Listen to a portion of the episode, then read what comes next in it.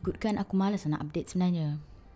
Tapi pasal konsisten punya hal, aku tetap update dan aku paksa diri aku untuk teruskan update sampai bila-bila insya-Allah sampai diseru ilahi lah kan. Inilah benda yang paling aku takut sekali bila malas nak teruskan benda yang kau dah mulakan. Bila malas menjelma, macam-macam hal lah alasan akan diberi. Dia mula macam nantilah, nantilah, nantilah, esoklah, esoklah, esoklah dan akhirnya projek kau akan terkubur mati di situ sahaja disebabkan malas tadi. Assalamualaikum, salam sejahtera kepada kalian pendengar budiman yang masih setia menadah telinga mendengar rapuan orang membebel. Kurang tadahlah telinga daripada korang bosan-bosan tu kan. Beliklah podcast orang. Tak rugi pun, aku pun tak untung pun buat kerja ni. Macam biasa, setiap kali kabar fasa PKP diwartakan untuk kesambungan peringkat seterusnya. Kalau tak silap aku, ini adalah fasa ketiga dah. Akulah antara manusia yang paling happy. Ha ha ha ha ha ha. Kita gelap macam jahat sikit. Ha ha ha ha ha ha. Takut tu takut juga. Yelah, bila fikir dalam sara diri ni makin hari makin susut, makin susut, makin susut. Tapi, nah, lantak ah. Aku pun seorang je. Tak luar mana pun makanan dalam rumah ni. insya-Allah makan pun semua barang-barang tu insya-Allah cukup. Makan pun sekali sehari. Kan pandai lah kau. Nak jimat cermat kan? Kerja pun tak ada. Apa income memang flow memang tak ada. So masa ni lah kau asah diri kau untuk makan zikrullah. Betul weh betul. Berzikir tu insya-Allah kalau kau yakin betul-betul memang boleh kenyang So, apa cerita episod ke-11 season kali ni? Tajuknya Takut. Bicara soal takut ni, banyak benda sebenarnya yang ditakutkan. Lagi-lagi orang yang selalu paranoid macam aku ni. Benda yang aku takut sekarang, bila duduk seorang-seorang macam ni, lepas tu tak adalah aku doa tapi aku macam tiba-tiba hari tu lah fikir kali ni aku okey lah sikit kan. Lepas tu ditakdirkan kalau meninggal masa aku duduk seorang-seorang, aku pun tak tahu nak kontak siapa untuk bagi tahu yang aku dah meninggal masa tu. Nauzubillah misali. Minta lah kalau meninggal lah masa tu dalam husnul khatimah. Amin ya rabbal alamin. Benda tu lah yang paling aku takut tiap kali PKP ni dipanjangkan. Yelah. Semua orang duduk dalam rumah kan. Kau pun kau tak kau tahu ajal masa bila kan. Itulah. Kita persiagakan diri je lah. Buat masa sekarang sampai bila-bila. Sampai betul-betul masa dipanggil. Kalau dulu memanglah kematian tu memang akan berlaku setiap saat, setiap kedipan mata. Tapi yang kali ni dia ada countdown. Countdown tu lah yang membuatkan kita rasa tipu lah kalau tak takut. Memang takut lah. Plus hari ni dikabarkan juga ayah kepada rakan aku di zaman BCH dulu telah menghadap ilahi. Sama-sama lah kita menghadapkan Al-Fatihah untuk roh باليوم الفاتحة. بسم الله الرحمن الرحيم. الحمد لله رب العالمين.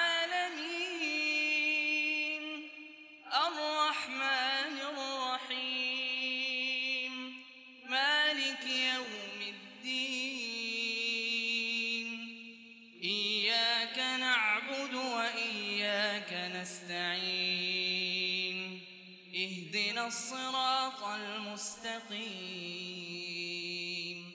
صراط الذين أنعمت عليهم غير المغضوب عليهم ولا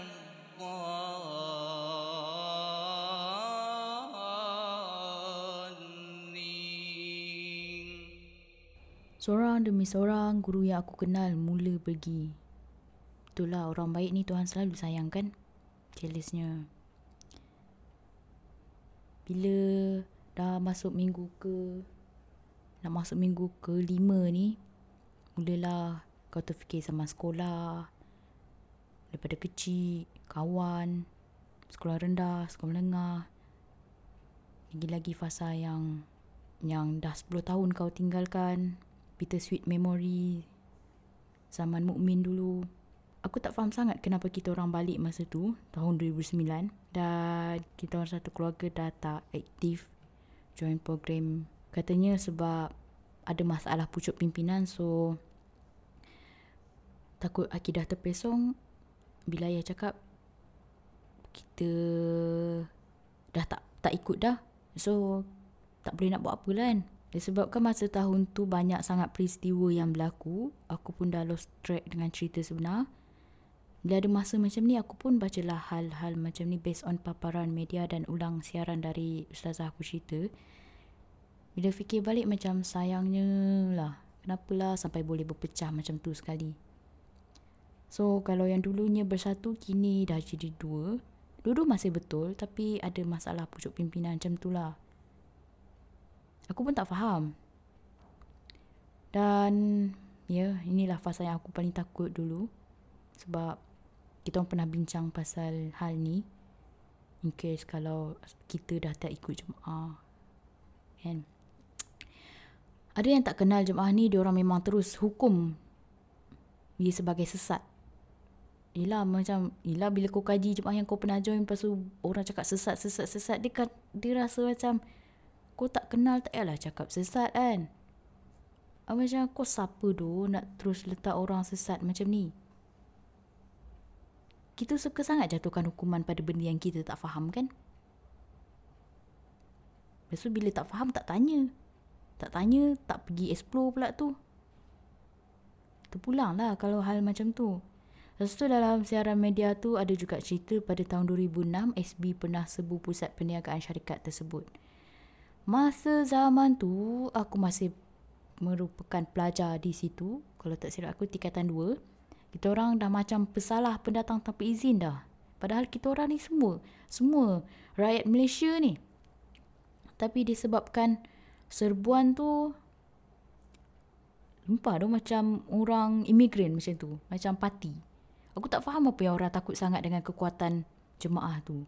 Masa dulu aku duduk bawah jemaah tu aku rasa macam Rasa macam selamat je duduk bawah tu. Rasa macam this is the way of our life. Hidup dalam um, ikut patuh syariah tak kerja sijil tak kerja sekular tak tak buat kerja sebab hanya untuk gaji pangkat dan nama semua tu.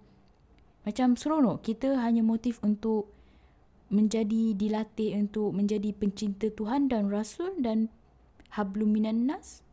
Dan memang bersih lah fikiran masa tu. Macam tak ada tak ada rasa macam dunia ni kejam tak ada rasa macam dunia ni tak adil macam kalau ada pun rasa macam semua back to basic. Semua rasa macam reflect balik pada diri. Macam selalu muhasabah diri. Muhasabah tu dah jadi macam the way of our daily routine dah. Empayar jemaah ni hingga merata dunia since 1968. Tiga kali ubah nama dan pengasasnya pernah di ISA. Untuk yang tahu, tahu. Yang tidak, tidak. Apa yang mereka takut sangat? Pegangan mereka tu hak mereka lah. Kenapa orang nak takut? tak ada kaitan pun sampai nak tarah habis kejayaan bisnes diorang. Ditarah teruk mana pun, tengoklah sampai sekarang diorang berkembang maju kot. Walau sekarang dah berpecah dua, tapi keduanya memegang konsep yang sama. Menjadi pejuang akhir zaman. Persediaan masih sama. Ini adalah antara salah satu jemaah yang aku aku lihat dan alami tindakan itu lebih dia orang bertindak lebih laju daripada bercakap. Dan taklah korang faham ke tak cerita ni tapi itulah dia cerita benar. Bila orang takut dengan bayang-bayang dia sendiri, menghancurkan orang lain itu memang tabiat dia. Dia takut orang lain lagi berjaya walau dia lagi ternama. Dia rasa goyah. Apa yang aku belajar sebanyak jadi anak didik di situ adalah kita dilatih menjadi benih, dicampak dan ditimbus ke dalam mana pun kita akan tetap menghasilkan pokok. Sebab tu aku suka tengok pokok. Dia banyak bagi pengajaran yang tersirat. Jadinya mereka tak pernah takut. Diserbu tetap bangkit, dituduh sesat tetap bangkit, ditomah, dihina dan pelbagai lagi nista dibalas mereka cuma satu. Tak apalah. Maafkanlah mereka, mereka tidak faham. Diterangkan selebar mana pun kalau hati tu nak menolak, kita tak boleh nak paksa. So, cerita takut ni adalah, aku takut dah aku keliru, aku berada di pihak yang mana. Belas memang kita tahu kita sedang berada di penghujung zaman. Memang tersangat-sangat hujung dah Dan soalan Ustazah setiap kali bila aku terfikir macam ni, saya cakap, kalau kita lah hidup zaman Rasulullah, agak-agaknya kita ni akan jadi pengikut baginda atau kita menentang baginda. Memang aku rasa macam, huh, apa-apa hal pun bersiagakanlah diri. Sentiasa memperbaiki diri ke arah yang lebih baik. Dan untuk rakan seperjuangan zaman 2002 hingga 2009 dulu salam berjuang. Untuk Ustazah Hasni terima kasih sebab masih kutip anak muridmu ini walau dah terpalit dengan sekular dan liberal. Sekarang ni aku takut hanya pada dia. Moga Allah cucuri rahmat ke atas roh mursyid kami. Amin ya rabbal alamin. Untuk korang yang punya maklumat perjuangan yang sama untuk menjadi pencinta Allah dan Rasul, tak kira apa jua persatuan kumpulan dan jemaah yang disertai. Salam perjuangan. Pengajaran untuk episod takut ni adalah takut hanya untuk dia. Bak kata MCR, everybody want to change the world, but no one, no one want to die. Ya kot, macam tu lah kot. Okay lah. Berakhir sudahlah episod takut season 2 Tinta Tanpa Tarik ini. Akhir kata, jaga kesihatan, patuhi PKP dan gunakan peluang yang ada untuk tingkatkan potensi diri dan perbaiki diri. Moga kita digunakan rahmat dan dicucuri limpah ilahi sepanjang hidup di akhir zaman ini dan dijauhkan daripada fitnah dunia, fitnah dajjal, azab kubur dan juga azab api neraka yang jernih diserap, yang keruh dibuang, yang baik itu datangnya dari Tuhan dan yang serba-serbi kurang itu datangnya dari hamba yang doaif ini. Anda sedang mendengar orang Hashtag The Uprising of Nonsense bersama Sophie Adi. To the end, moga husnul khatimah. Adios amigos, zajin ila liqa wa ma'asalamah. Ketika ku hanyut semakin jauh Semakin ku gapai semakin tenggelam Ketika tujuan hidup semakin kabur Terasa ku mati sebelum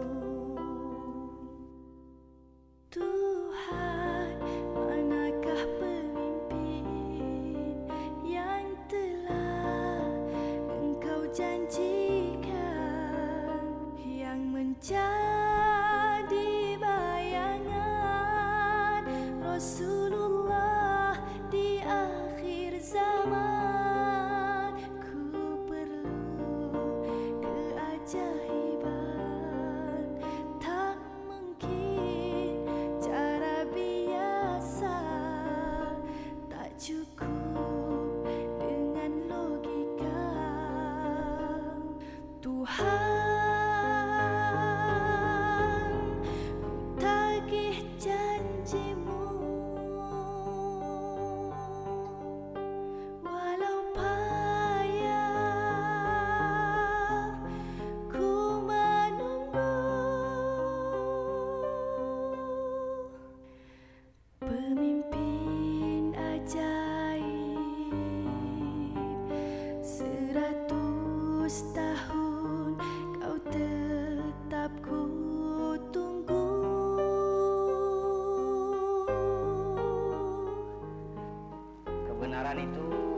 ada dua, tidak ada tiga, tidak ada sepuluh dan tidak ada seterusnya. Kebenaran hanya semata-mata satu.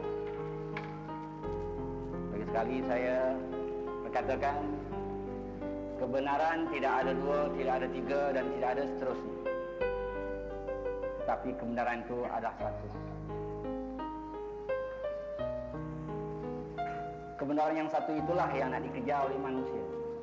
Yang nak dicari oleh manusia. Kadang-kadang manusia boleh mencarinya, kadang-kadang manusia tidak boleh mencari. Kadang-kadang manusia boleh Rupanya kini Tuhan telah tunaikan